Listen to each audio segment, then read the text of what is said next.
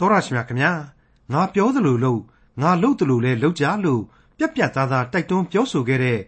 ခရိယန်ခေါင်းဆောင်တမန်တော်ကြီးရှင်ပေါလုရဲ့စကားတွေကြောင့်လန့်ဖြန့်ပြီးနောက်ကိုတွန့်သွားတဲ့သူတွေလည်းရှိကောင်းရှိကြပါလိမ့်မယ်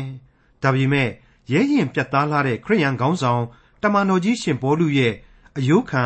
စိတ်ထားသဘောထားနှလုံးသားကတော့အင်မတန်မှနူးညံ့ပျော်ပြောင်းတယ်ဆိုတာကိုတွေးကြရမှာဖြစ်တဲ့ခရိယန်တမန်ကျမ်းရဲ့ဓမ္မသစ်ကျမ်းပိုင်းတွေက ဖိလိပ္ပိဩဝါဒစာအခန်းကြီး၄အခန်းငယ်၁ကနေအခန်းငယ်9အထိကိုဒီကနေ့သင်သိရသောတမန်ကျမ်းအစီအစဉ်မှာလေ့လာမှာဖြစ်ပါတယ်။သူ့ရဲ့ခရိယန်မိတ်ဆွေအပေါင်းကိုငါဥယျတရဖူဒီဟုသောငါချစ်၍အလွန်လွမ်းသောညီအကိုတို့လို့ခေါ်ဝေါ်ပြောဆိုလိုက်တဲ့သူ့ရဲ့စကားသံကို ထောက်ရှုကြည့်နိုင်ပါတယ်။ခရိယန်တွေဟာအမျိုးသမီးတွေရဲ့အရေးကိုလျှိလျူရှုထားကြပါသလား။အမျိုးသမီးတွေရဲ့လှုပ်ရှားဆောင်ရွက်မှုတွေကိုရော အတိအမှပြုကြပါရဲ့လားဆိုတာကို အထင်အရှားတွေးရမှာဖြစ်တဲ့ဖိလိပ္ပိဩဝါဒစာအခန်းကြီး၄အခန်းငယ်၁ကနေအခန်းငယ်9အထိကိုဒေါက်တာထွန်းမြတ်ရေးကအခုလိုလေ့လာသုံးသပ်တင်ပြမှာဖြစ်ပါတယ်။ဒီကနေ့အဖို့ဆိုရင်ဖိလိပ္ပိဩဝါဒစာအခန်းကြီး၄ကိုကျွန်တော်စတင်သွားရပါတော့မယ်။အလွန်အလွန်နဲ့နေတဲ့ကြံပိုင်းတွေကိုအတတ်နိုင်ဆုံးရှင်းလင်းပေးခဲ့ပြီးတဲ့နောက်မှာကျွန်တော်အနေနဲ့ဩဝါဒစာကြီးတွေနဲ့ပတ်သက်လို့ ကျွန်တော်ရဲ့အမြင်ကိုဒီနေရာမှာတခမ်းတနာပြန်ပြီးတော့ပြောကျင်တာကလေးတွေရှိလာပါတယ်။ဒါကြောင့်မလို့ဒီကနေ့သင်ခန်းစာကိုမစခင်မှာကျွန်တော်ပြောကျင်တာကလေးတွေကိုဆက်လက်ပြီးတော့ဖြည့်ဆွတ်ခွင့်ပြုပါရန်မေတ္တာရက်ခံခြင်းပါတယ်။ကျွန်တော်တို့တွေဟာယောမဩဝါဒစာကနေတဆင့်ကောရိန္သုဩဝါဒစာကြီးနှစ်ဆောင်ပြီးတဲ့နောက်မှာတော့ဂလာတိအေဖဲစသဖြင့်ဩဝါဒစာအသီးအသီးကိုတင်ပြခဲ့တဲ့နေရာမှာဩဝါဒဆိုတဲ့အတိုင်းပဲအဆုံးအမတွေကိုအပြည့်အဝကြားခဲ့ကြရပါတယ်။ အဲ့ဒီဩဝါဒစာတွေအကုန်လုံးဟာလေတခုမှလွယ်ကူတယ်လို့မရှိဘူးသူနီးသူဟန်နဲ့အကုန်လုံးနဲ့ဆိုင်ခဲ့ကြတာကြီးပဲလေးနဲ့ကျယ်ဝန်းတဲ့အတိတ်ပဲများကိုဆောင်းယူဖော်ပြခဲ့ကြတာကြီးပဲဆိုတာကိုမိษွေတို့မှတ်မိနေကြမှာပါတကယ်တော့ဒါဟာသိပြီးတော့သဘာဝကျပါလေမဆန်းလှပါဘူးဒီဩဝါဒစာတွေဟာသေချာစဉ်းစားကြည့်မယ်ဆိုရင်ခက်ခဲခြင်းရှိကိုရှိရလိမ့်မယ် နည်းနည်းချင်းတွေလည်းရှိကိုရှိရမယ်ဆိုတဲ့ဓမ္မသဘောတရားကိုကျွန်တော်တို့သဘောပေါက်နိုင်ကြလိမ့်မယ်လို့ကျွန်တော်တွေးပါတယ်မိတ်ဆွေအပေါင်းတို့ခမညာကနဦးအသင်းတော်တို့တိဆောက်ချိန်ဟာကျွန်တော်တို့မျက်မှောက်ခေအတွက်အရေးအကြီးဆုံးသောအချိန်ကာလကြီးပဲလို့ကျွန်တော်ကဆိုချင်ပါတယ်သမိုင်းဆိုင်ရာအမြင်နဲ့ကျွန်တော်ကဆိုရခြင်းပါဘာဖြစ်လဲဆိုတော့ကနဦးအသင်းတော်ဆိုတဲ့ယုံကြည်သူတို့ရဲ့အဖွဲ့အစည်းတွေမှာဘုရားသခင်ကသိစီခြင်းတာတွေ သူတို့ရဲ့အခြေခံမူဝါဒတွေဘယ်လိုချထားရမလဲဆိုတဲ့လောကစီမင်းထုံးစံတွေဥပဒေသားတွေသူတို့ရဲ့ပြဿနာဖြေရှင်းပုံဖြေရှင်းနည်းတွေသူတို့ရဲ့ဗန္ဒာရေးစီမင်းတွေစသည်စသဖြင့်သူတို့ရဲ့ဒီအခြေခံခံယူချက်တွေအပေါ်မှာအခုအထိဒီဩဝါဒတွေကိုဒိုင်ခံရေးသားခဲ့တဲ့တမန်တော်ကြီးရှင်ပေါလုဟာအခြေတီးရေးသားနေတာဖြစ်နေပါလေဟုတ်ပါတယ် ကနဦးအသင်းတော်တို့အတွက်ချမှတ်ခဲ့သောအခြေခံမူများအပေါ်မှာတမန်တော်ကြီးရေးသားပြုစုနေတာပါဒီအခြေခံမူတွေစီးမြင်တွေဟာကျွန်တော်အသင်းတော်များအပေါ်မှာလေဆက်လက်ပြီးတော့ဖြစ်ပေါ်နေစေဖို့တမန်တော်ကြီးအလိုရှိခဲ့တယ်ဒီတော့ဒီဩဝါဒစာတွေဟာသူ့ရဲ့အခြေခံမှာကိုကခက်ခဲနေနေခြင်းလည်းရှိရလိမ့်မယ်ပေါ့ပြက်ပြက်လည်းတခုမှမဖြစ်နိုင်ဘူးဆိုတဲ့အမှန်တရားဟာပေါ်လွင်နေစေပြီလို့ကျွန်တော်ဆိုချင်ပါတယ်ဒီကနဦးအသင်းတော်တို့ရဲ့ခက်ခဲနေနေသောအဆုံးအမနဲ့ဩဝါဒစာတွေဟာ ဒီကနေ့ဒီအချိန်ကျွန်တော်မိษွေတို့အဖို့ခံယူကျင့်သုံးရမယ့်သဘောတရားခံယူချက်တွေအဖြစ်တည်ရှိနေပြီဆိုတာဟာကျွန်တော်ဘယ်လို့မှမငင်းနိုင်တဲ့အချက်တွေဖြစ်နေပါတယ်ဒီတော့တမန်တော်ကြီးရှင်ပေါလုရဲ့ဩဝါဒစာအပေါင်းတို့ဟာရှေးကာလမှသည်ယခုအချိန်တိုင်အောင်တည်ဆဲဩဝါဒစာများဖြစ်သည်အဲ့ဒီလိုကျွန်တော်ခံယူထားကြရပါလိမ့်မယ်တချို့တချို့သောသူတည်သူတွေဟာဒါရီရဲ့ရှင်ပေါလုဆိုတဲ့လူတစ်ယောက်ရေးတာပဲကွာ ခရစ်ဝင်မှာခရစ်တော်ပြောခဲ့တာဒီမှမဟုတ်ပဲဆိုတဲ့ကန့်လန့်တိုက်အတွေးအခေါ်တွေနဲ့ဩဝါဒစာတွေကိုအထင်မကြီးကြတာတွေရှိပါတယ်ကျွန်တော်သင်သိရသောသမာကျမ်းအဖွဲ့အနေနဲ့ကတော့အဲ့ဒီဆန့်ကျင်ဘက်အယူအဆတွေအကုန်လုံးဟာမှားယွင်းတယ်နှုတ်ကပတ်တော်ရဲ့တော်ဝင်ဩဝါဒစာအပေါင်းတို့ဟာဩဝါဒအပေါင်းတို့ဟာတန်ရှင်းသောဝိညာဉ်တော်သွန်လောင်းပြုပြင်ထားတဲ့အတွေ့အကြီးအကျယ်အရေးကြီးတဲ့ဩဝါဒစာများဖြစ်တယ်လို့ဆုံးဖြတ်ချက်ချပြီးတော့လင်းနဲ့စွာခံယူထားပါတယ်မိတ်ဆွေအပေါင်းတို့ခမညာ တမန်တော်ကြီးရှင်ပေါလုဟာဘု து တမန်တော်ကြီးလေယေရှုခရစ်၏တမန်တော်ကြီးဖြစ်နေတယ်မဟုတ်ဘူးလားတနည်းအားဖြင့်ယေရှုခရစ်၏အမှုတော်ကိုဆောင်တော်သူပြီးတော့သူဟာယေရှုခရစ်၏စိတ်တော်ကိုစ조사ခံယူပြီးထားတဲ့လူတစ်ယောက်လည်းဖြစ်တယ်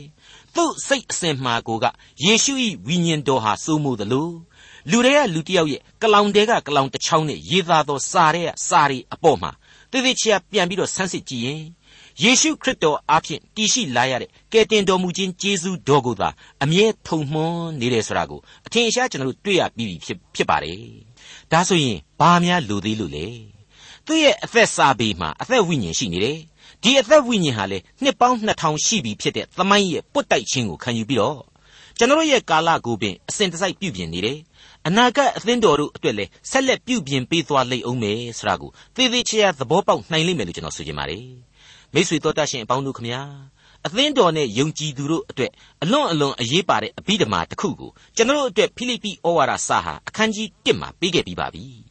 ငါအသက်ရှင်သည့်အရာမှာခရစ်တော်ပင်ဖြစ်၏သေလျင်မူကားသာ၍အကျိုးရှိ၏ဆိုတဲ့အံ့ဩလောက်ဖွယ်သောအတွေ့အခေါ်ကြီးဖြစ်ပါတယ်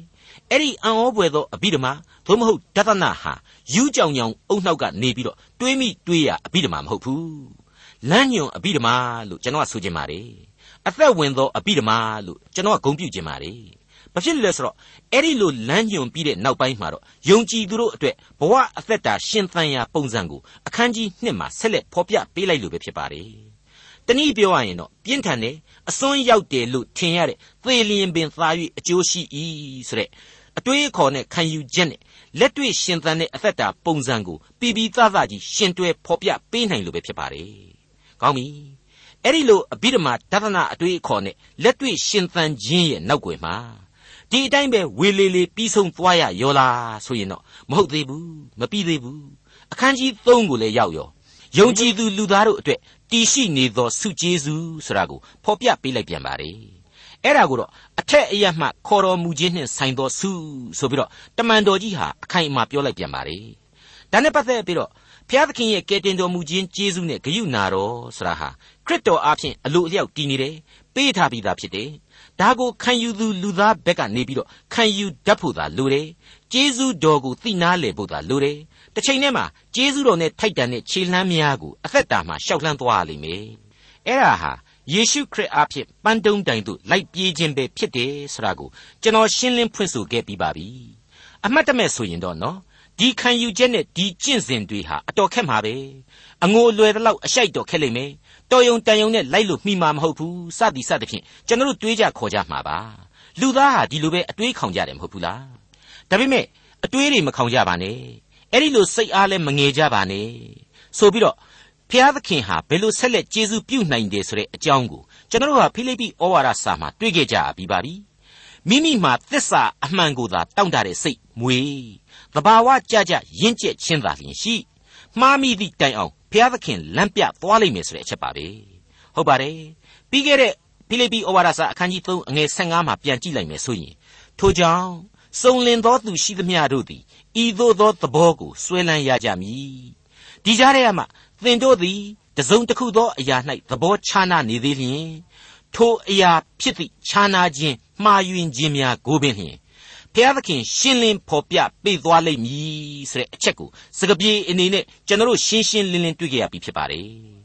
ဒီအချက်တွေဟာပြီးခဲ့တဲ့ဖိလိပ္ပိဩဝါဒစာများကိုပြန်လှန်သုံးသပ်ခြင်းလို့ကျွန်တော်ဆိုချင်ပါတယ်ခရိယန်ယုံကြည်သူတို့အတွက်အလွန်ကောင်းမွန်တဲ့အဘိဓမ္မာခံယူချက်နဲ့အဲ့ဒီခံယူချက်အတိုင်းကြင့်ကြံခြင်းအဖြစ်ခရိယန်တို့ရဲ့အသက်တာပုံစံဟာဘယ်လိုဘယ်လိုပုံစံမျိုးဖြစ်လာတယ်ဘယ်လိုဘယ်လိုပြုပြင်ပြောင်းလဲခြင်းရှိလာတယ်ဒီအသက်တာများဟာအသက်တာအသီးသီးတို့အတွက်လေကျေးဇူးနဲ့ဂရုနာတော်ဆုကျေးဇူးကြီးဟာကျွန်တော်တို့အတွက်အစဉ်တစိုက်တည်ရှိနေပြီဖြစ်တယ်ဆိုတာကိုကျွန်တော်တို့နားလည်ခဲ့ကြပြီးပါပြီ ဒီကနေ့ဒီအချိန်မှာတော့ခရိယန်အသက်တာအတွက်ခွန်အားဆိုတာကိုအခန်းကြီး၄ဟာပြည်ပြင်းစွာဖော်ပြပေးသွားမှာဖြစ်တဲ့အကြောင်းကျွန်တော်ကြိုတင်အစီရင်ခံရင်းနဲ့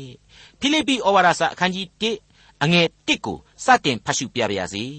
ထို့ကြောင့်ငါဝမ်းမြောက်ခြင်းအကြောင်းငါဥယျသရဖူကြီးဟုသောငါချစ်၍အလွန်လွန်းသောညီအကိုတို့ငါဆိုခဲ့ပြီးသည့်အတိုင်းသခင်ဖျား၌တည်နေကြလော့ငါချစ်သူတို့ကကြီး ငါဝမ်းမြောက်ခြင်းအကြောင်းခခွေငါဥယျသရဖူဖြစ်သောညီအကိုတို့တဲ့အဲ့ဒီလိုစတင်ဖော်ပြထားပါတယ်အလွန်နူးညံ့သိမ်မွေ့စွာဖွင့်ဆိုပေးလိုက်ခြင်းလို့ကျွန်တော်ခံယူပါတယ်အဲ့ဒီနူးညံ့သိမ်မွေ့ခြင်းတည်းမှမှအလွန်နဲ့ဆိုင်တဲ့အတိတ်ဘဲတွေဟာလေရောပြွန်းပါဝင်နေပါတယ်ဖိလိပ္ပိအသင်းတော်ကယုံကြည်သူတွေဟာတမန်တော်ကြီးရဲ့အမှုတော်ဆောင်ခြင်းအပြင်ကယ်တင်ခြင်းကျေးဇူးကိုခံယူခဲ့ကြရတဲ့လူတွေဖြစ်တယ်ယုံကြည်ခြင်းတွေသူတို့ပြောင်းလဲခဲ့ကြတယ်ဒီတော့ သူတို့ဟာအထက်အရက်မှာတမန်တော်ကြီးအတွက်အသက်သရဖူဖြစ်တယ်တမန်တော်ကြီးရှင်သန်ရမြဲလူလောကမှာတော့ဝမ်းမြောက်ခြင်းအကြောင်းပဲဖြစ်တယ်တဲ့ရှင်းနေတာပါပဲ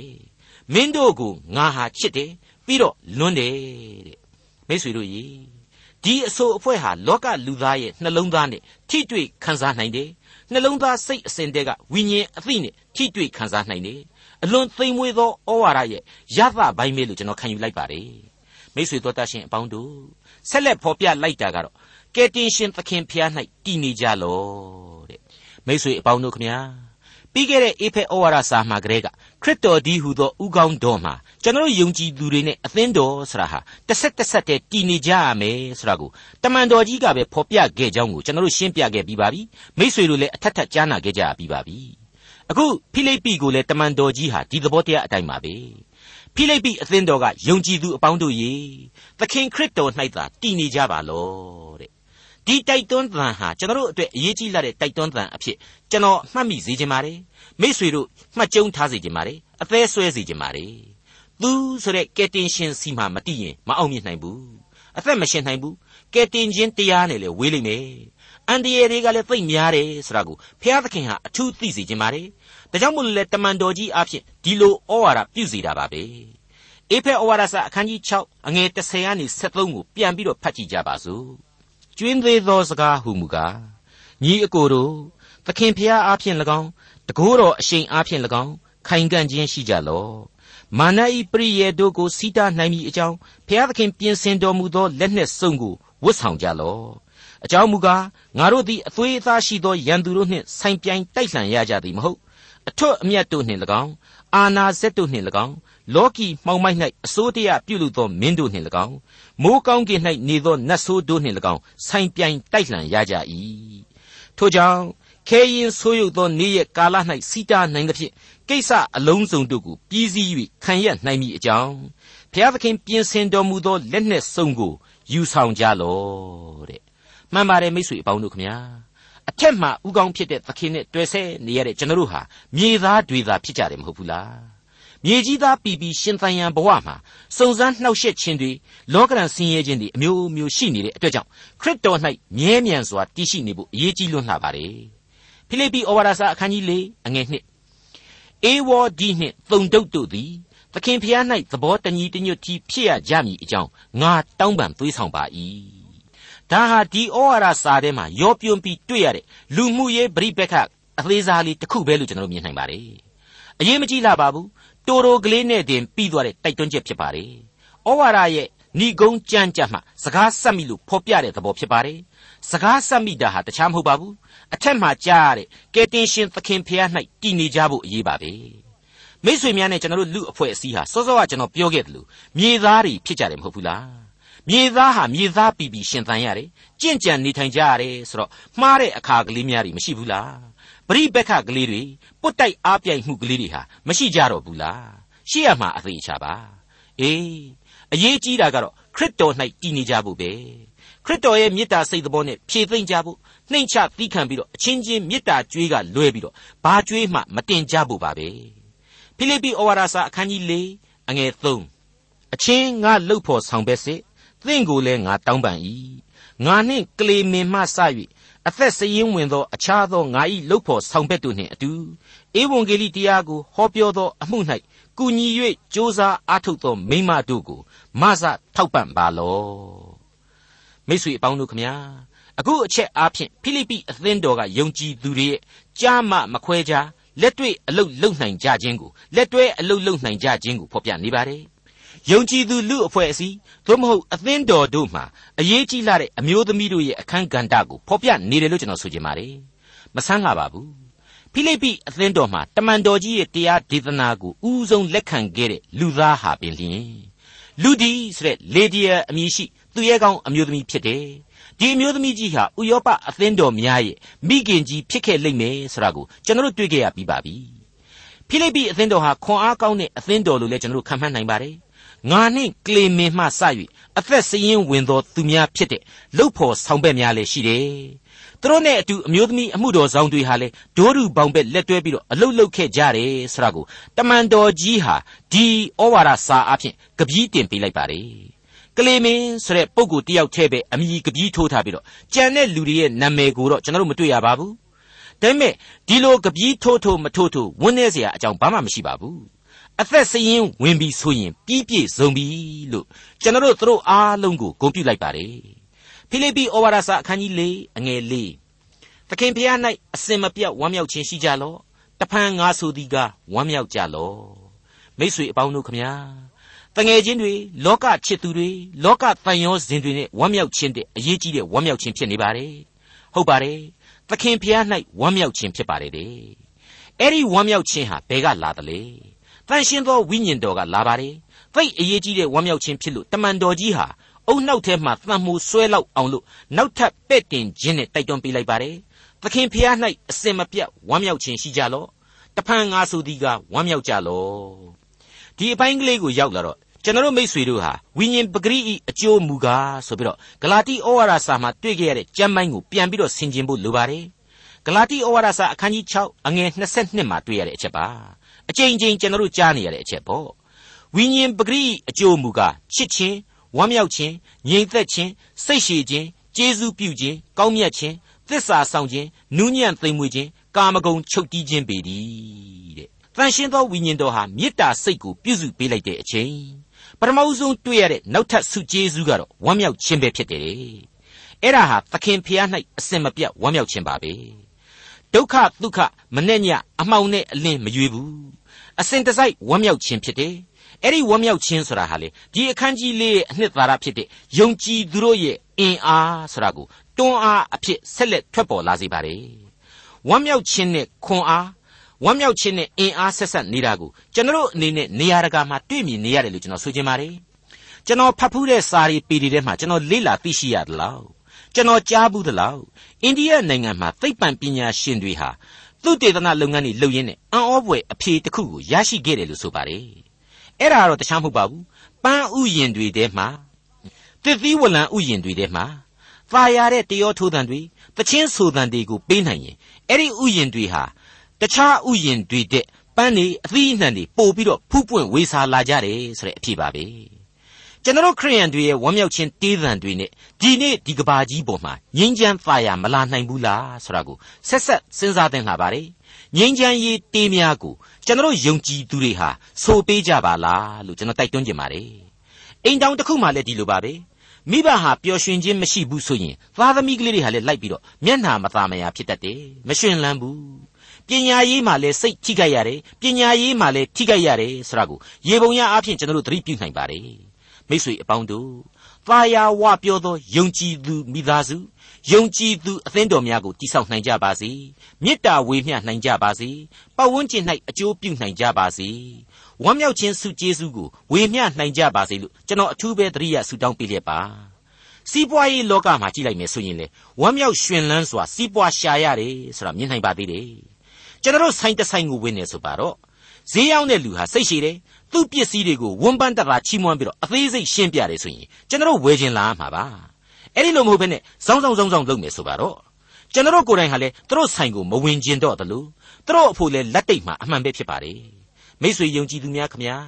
တမန်တော်ကြီးကနေပြီးတော့တကြော့ပြန်သတိပေးနေပါတယ်သခင်ဖျား၌အစင်မပြတ်ဝမ်းမြောက်ခြင်းရှိကြလော့တဖန်ငါဆိုသည်ကဝမ်းမြောက်ခြင်းရှိကြလော့တဲ့ ဝမ်းမြောက်ခြင်းရှိသောအသက်တာများအပြင်သခင်ဖျားပေးသနာခဲ့တဲ့ကယ်တင်ရှင်ကျေးဇူးတော်ဝမ်းမြောက်ဖွယ်ကောင်းတဲ့ရင်တို့ကိုပတ်ဝန်းကျင်မှာခွန်အားပြည့်ဝစွာဝေမျှကြပါစို့လို့ကျွန်တော်တိုက်တွန်းလိုက်ပါရစေ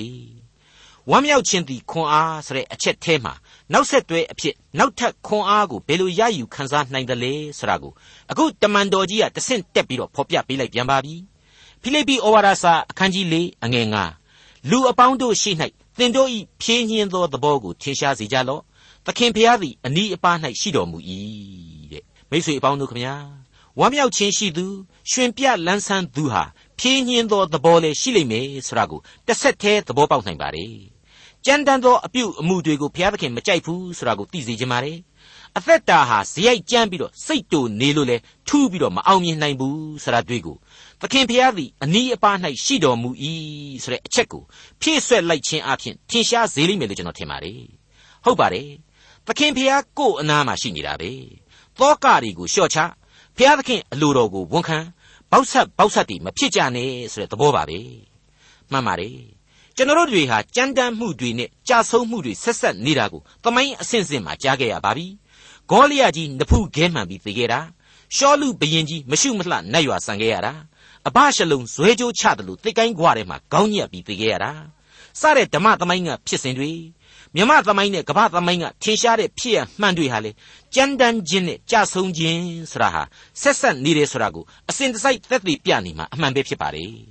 မိတ်ဆွေအပေါင်းတို့ခမညာတမန်တော်ကြီးရှင်ပေါလုရဲ့ဖိလိပ္ပိဩဝါဒစာဟာ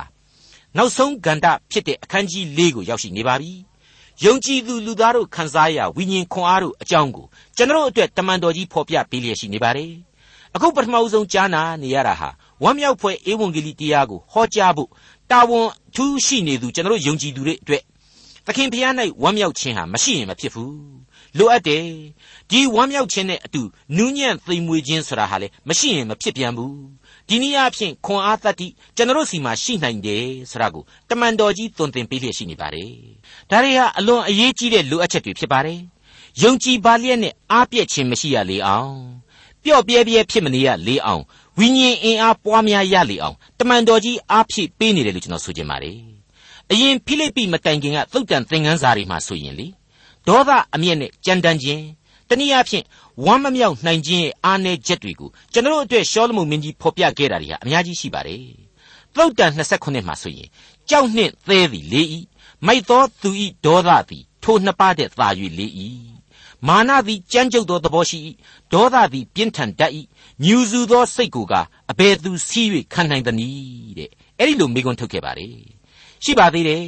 လူသား၏စိတ်ဝိညာဉ်သည်မိမိနာခြင်းဝေဒနာကိုခံနိုင်၏ကြေကွဲသောစိတ်ကိုကအဘယ်သူသီးခံနိုင်သနည်းဆိုပြီးတော့အခန်းကြီး16မှာအငယ်14အရာကျွန်တော်တို့တွေ့ကြရပြီးပါပြီ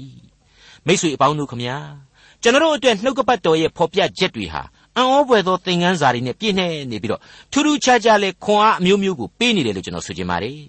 ဒီခွန်အားသတ္တိတွေဟာ လောကရန်လူသားကျွန်တော်များအဖို့လူသားတမန်တော်ကြီးကနေတဆင့်ဘုရားသခင်ပေးသနာတော်မူသောကောင်းကြီးမင်္ဂလာများအဖြစ်ကျွန်တော်ရယူခံစားနိုင်ကြပါစေပွားများနိုင်ကြပါစေဝေမျှနိုင်ကြပါစေလို့ကျွန်တော်ထပ်မံတိုက်တွန်းခြင်းပါတယ်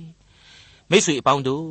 ယုံကြည်ခြင်း၌ပင်တွေ့ရသောလူသားဤမာနာဆိုတာကိုယောဘဝတ္ထုဟာပြတ်သားစွာသွန်သင်ပေးခဲ့သလိုသုတ်တန်ကျမ်းသင်ခန်းစာတွေအရဂယုဏအရာ၌ပင်လျင် ကြမ်းကြုတ်ခြင်းဆိုတဲ့သဘောတရားကိုသုတ်တန်ကျမ်းအခန်းကြီး7ဟာဖော်ပြပေးခဲ့ပါတယ်အခုဖိလိပ္ပိဩဝါဒစာမှာကြတော့ညူစုရန်တွေ့သောစိတ်နှင့်ခရစ်တော်၏တရားကိုဟောပြောခြင်းဆိုတဲ့အကြောင်းကိုအခန်းကြီး1မှာကလေးကကျွန်တော်တို့ကြားခဲ့ရပါပြီအလွန်အလွန်အံ့ဩဖွယ်ကောင်းလာတဲ့လူသားတို့ရဲ့အစ္စထစိတ်နှလုံးသဘောထားတွေပါပဲအရှင်းမမျှော်လင့်တဲ့စိတ်တဗေဒသဘောတရားတွေကြီးပဲဖြစ်ပါတယ်စင်ကျင်တုံတရားနဲ့အလေးနဲ့ထားစဉ်းစားလိုက်တဲ့အခါတိုင်းမှာ စိတ်ဝိညာဉ်မှာများစွာသောသင်ခန်းစာတို့နဲ့ပြုပြင်ပြောင်းလဲစရာတွေရှိနေပြီဆိုတာကိုကျွန်တော်မိษွေတို့သိနာလဲနိုင်ဖို့နှုတ်ကပတ်တော်ရဲ့သင်ခန်းစာအသီးသီးဟာအံ့ဩဖွယ်ကောင်းလောက်အောင်ပြုပြင်ပေးနေတယ်သွန်သင်ပေးနေတယ်လို့ကျွန်တော်ခံယူပါတယ်ဒီနေရာဒီအပိုင်းကလေးကိုရောက်လာတော့ဒါဝိမင်းကြီးရဲ့ချီးမွမ်းထောမနာပြုခြင်းတေးလင်ကဆာလံတီခြင်းတွေကိုကျွန်တော်အထူးပဲသတိရအောင်မိမိပါတယ်ဘာပဲဖြစ်ဖြစ်ကျေးဇူးတော်ဘာပဲဖြစ်ဖြစ်ဟာလေလုယာဆိုတဲ့သဘောတရားကိုဖော်ပြနေတဲ့ကျမ်းတွေပါ ဒီထက်က148ခုမြောက်သောဆာလံတေးကိုကျွန်တော်သွားပြီးတော့အောက်မေ့မိပါတယ်ကောင်းကင်ဘုံ၌ထာဝရဘုရားကိုချီးမွမ်းကြလော့ဘဝက်ပေါ်မှာချီးမွမ်းကြလော့ကောင်းကင်တမန်အပေါင်းတို့ထာဝရဘုရားကိုချီးမွမ်းကြလော့ကောင်းကင်ဘိုးကြီးအပေါင်းတို့ချီးမွမ်းကြလော့နေလာတို့ထာဝရဘုရားကိုချီးမွမ်းကြလော့ထွန်းလင်းသောကြယ်အပေါင်းတို့ချီးမွမ်းကြလော့ကောင်းကင်အထက်ထက်နှင့်ကောင်းကင်ဘောမှရေများတို့ချီးမွမ်းကြလော့ ထိုအရာတို့ကိုအမိန့်တော်ရှိ၍ဖန်ဆင်းတော်မူသောကြောင့်ထာဝရဘုရား၏နာမတော်ကိုချီးမွမ်းကြစေထိုအရာတို့ကိုကာလအစဉ်အဆက်အမြဲတည်စေတော်မူ၍မပြည့်ရသောဓမ္မတာကိုစီရင်တော်မူ၏ဘလောက်ကောင်းလဲ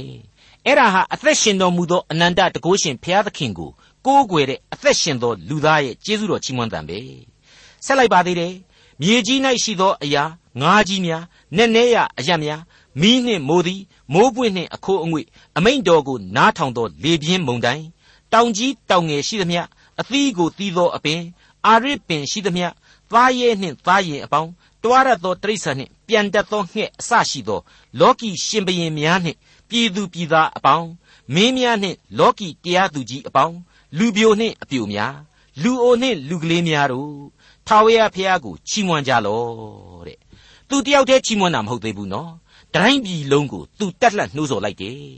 ယုံကြည်သူအားလုံးကိုဒါဝိမင်းကြီးဟာတိုက်တွန်းနှိုးဆော်လိုက်ခြင်းပါပဲဒီကနေ့ကျွန်တော်တို့အားလုံးအတွက်လည်းအလွန်ကောင်းမွန်တဲ့ဟာလေလုယတေးသံလို့ကျွန်တော်ဆိုချင်ပါတယ်တန်ရှင်းရာဌာနတော်၌ဖျားသခင်ကိုချီးမွမ်းကြလော့ဘုံတော်ထင်ရှားရာကောင်းကင်မျက်နှာကျက်ပေါ်မှာချီးမွမ်းကြလော့ထူးဆန်းသောတကိုးတော်များကြောင့်ဖျားသခင်ကိုချီးမွမ်းကြလော့အလွန်တရာကြီးမြတ်တော်မူခြင်းရှိသည့်အတိုင်းချီးမွမ်းကြလော့တဲ့ 150ခုမြောက်သောဆာလံမှာဒါဝိမင်းကြီးအဲ့ဒီလိုဆက်ပြီးတော့ချီးမွမ်းထောမနာပြုလိုက်ပြန်ပါတယ်ကျွန်တော်မိษွေတို့အပေါင်းတို့ရဲ့အသက်တာတွေဟာလေအသက်တာကာလတစ်လျှောက်မှာအခုလိုပဲကျေးဇူးတော်ကိုပို့ပြီးတော့ချီးမွမ်းနိုင်ကြပါစေဝမ်းမြောက်နိုင်ကြပါစေလို့ကျွန်တော်ဆုတောင်းပေးလိုက်ပါတယ်အခုဖိလိပ္ပိဩဝါဒစာမှာလေအစပိုင်းကလေးကဝမ်းမြောက်ခြင်းကျေးဇူးတော်ချီးမွမ်းခြင်းဆုတောင်းခြင်းဆိုတာတွေဟာဆက်ဆက်နေသောအရာတွေဖြစ်တယ်ဆိုတာကိုတမန်တော်ကြီးဖော်ပြပေးခဲ့ပြီးပါပြီဟုတ်ပါတယ် ဖိလိပ္ပိဩဝါဒစာအခန်းကြီး1အငယ်3 4 5မှာငါသည်ဆုတောင်းပတနာပြုသောအခါကဝမ်းမြောက်သောစိတ်နှင့်သင်တို့ရှိသမျှအဖို့ကိုအစဉ်ဆုတောင်းပတနာပြုလျက်သင်တို့ကိုအောက်မေ့သောအခါကသင်တို့သည်ရှေးဥစွာသောနေ့ရက်မှစ၍ယခုတိုင်အောင်ဧဝံဂေလိတရားကိုဆက်ဆံ၍ခံစားကြောင်းကိုငါထောက်သဖြင့်ဘုရားသခင်ကျေးဇူးတော်ကိုချီးမွမ်းပါ၏လို့ဖော်ပြပေးခဲ့ပြီးပါပြီဒါကြောင့်မလို့ဝိညာဉ်ခွန်အားကိုကြိုးစားရယူ လက်တွေ့ကျင့်သုံးရင်းနဲ့ဘုရားသခင်ရဲ့ဘုန်းတော်ကိုထင်ရှားနိုင်ကြပါစေတည်းလို့ကျွန်တော်ဆုတောင်းပေးလိုက်ပါတယ်ထို့ကြောင့်ငါဝမ်းမြောက်ခြင်းအကြောင်းငါဥယျတရဖူဒီဟုသောငါချစ်၍အလွန်လွန်းသောညီအကိုတို့ငါဆိုခဲ့ပြီးသည့်အတိုင်းသခင်ဖျား၌တည်နေကြလော့ငါချစ်သူတို့